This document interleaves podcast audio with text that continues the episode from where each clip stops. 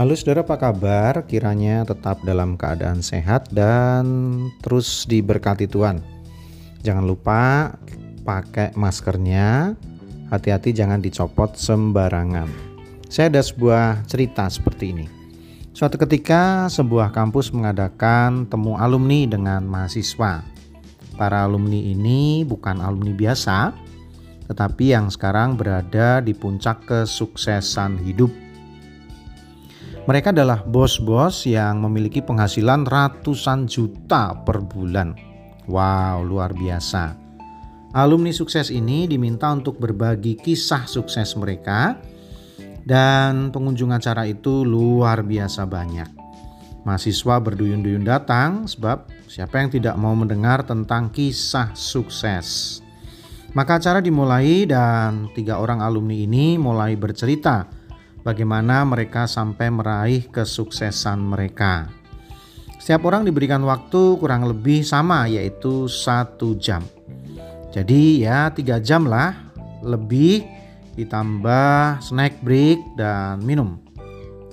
Setelah mereka sharing maka giliran para mahasiswa diizinkan bertanya. Dari beberapa mahasiswa yang bertanya mereka menyampaikan pertanyaan yang kurang lebih sama yaitu Apakah ada tips-tips lainnya? Dan itu membuat para tiga orang pembicara tadi kebingungan sebab mereka telah memberikan beberapa tips. Jika satu orang 5 sampai 6 tips, maka dikalikan 3, maka ada kira-kira 15 sampai 18 tips untuk sukses. Dan itu sudah banyak. Sampai akhirnya ada seorang mahasiswa yang kembali bertanya dan kali ini dia bertanya dengan jujur kenapa pertanyaannya kurang lebih sama.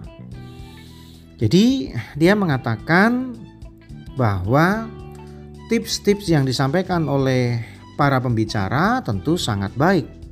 Tapi persoalannya kenapa mereka minta tambah lagi tips, minta tambah lagi tips sebab tips yang disampaikan oleh narasumber adalah tips-tips yang tidak mudah. Rupa-rupanya para mahasiswa ini seperti pikiran banyak orang, tidak mau berlelah-lelah, tidak mau berakit-rakit ke hulu, berenang-renang ke tepian, bersakit-sakit dahulu, bersenang-senang kemudian. Mereka berpikir untuk sukses, untuk berhasil, untuk kaya, untuk memiliki eh, banyak kehebatan itu diperoleh hanya dengan merem, ngedip, dan persoalan selesai. Naib sekali cara berpikir seperti itu. Namun sayang banyak sekali orang yang berpikiran seperti itu. Inginnya instan, serba instan. Tiba-tiba berhasil, tiba-tiba kaya, tiba-tiba sukses. Ini cara berpikir yang aneh. Einstein saja berkata, hanya orang gila yang melakukan sesuatu dengan cara yang sama, tapi ingin hasil yang berbeda. Maksudnya, kalau kita melakukan sesuatu begitu-begitu saja, seperti itu pada biasanya, seperti kemarin kita contohnya mencangkul, hari ini mencangkul dengan cara yang sama, bagaimana hasil panen bisa lebih baik. Itu hanya orang gila, itu hanya orang aneh. Artinya, kalau ingin hasil yang berbeda, cara mencangkulnya harus berbeda. Kalau ingin kesuksesan yang berbeda, ya yang dikerjakan harus berbeda, caranya berbeda.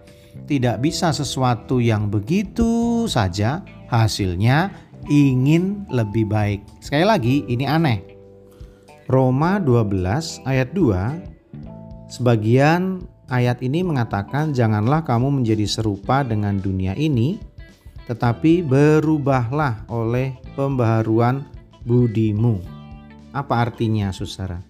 Memang dalam kehidupan ini harus ada perubahan-perubahan untuk mendapatkan hasil yang berbeda. Seperti juga cerita tadi, tips-tips yang disampaikan oleh para narasumber adalah tips-tips yang tidak mudah. Perlu kerja, kerja keras, perlu membanting tulang, bahkan mungkin mereka eh, cara belajarnya berbeda, jam istirahatnya berbeda, e, cara mempersiapkan kehidupan mereka berbeda, artinya mereka tidak melakukannya dengan biasa-biasa saja dan mendapatkan hasil yang memang luar biasa. Sekali lagi, memang perlu ada perubahan pembaruan dalam hidup untuk menghasilkan sesuatu yang berbeda.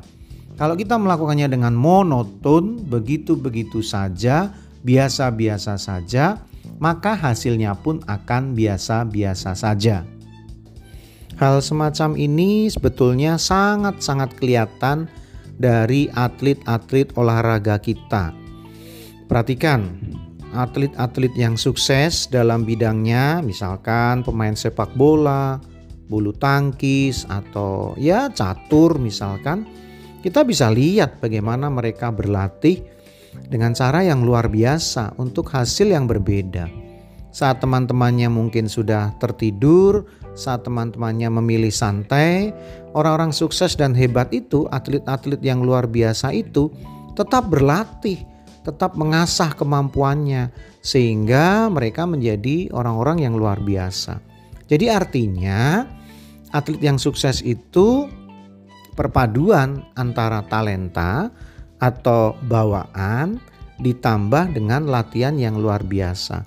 Bahkan saya berani mengatakan orang-orang yang biasa-biasa saja tidak dilahirkan sebagai misalkan pemain sepak bola atau pemain bulu tangkis atau pelari, sekali lagi tidak dilahirkan untuk menjadi seperti itu, tetapi berlatih dengan sungguh-sungguh, mempersiapkan dengan sungguh-sungguh saya yakin dia tetap bisa bersaing dengan orang-orang yang sudah dilahirkan untuk memiliki talenta itu. Tapi coba perhatikan logika sebaliknya. Dia diberikan talenta katakanlah pemain sepak bola, katakanlah seperti itu. Tapi tidak pernah melatih dirinya, tidak mengasah kemampuannya. Bagaimana dia bisa bersaing dengan orang yang terlatih? Itulah kehidupan. Dalam hal beriman pun seperti itu. Ketika kita ingin menjadi orang yang beriman secara luar biasa, memiliki kehidupan yang luar biasa, maka jangan jalani hidup saudara dengan cara yang biasa-biasa saja. Jadilah luar biasa, dimulai dengan tidak membiasakan diri seperti orang-orang yang lainnya. Masih bersama dengan saya Pendeta Yudi dalam Renungan Emas. Esok masih ada solusi.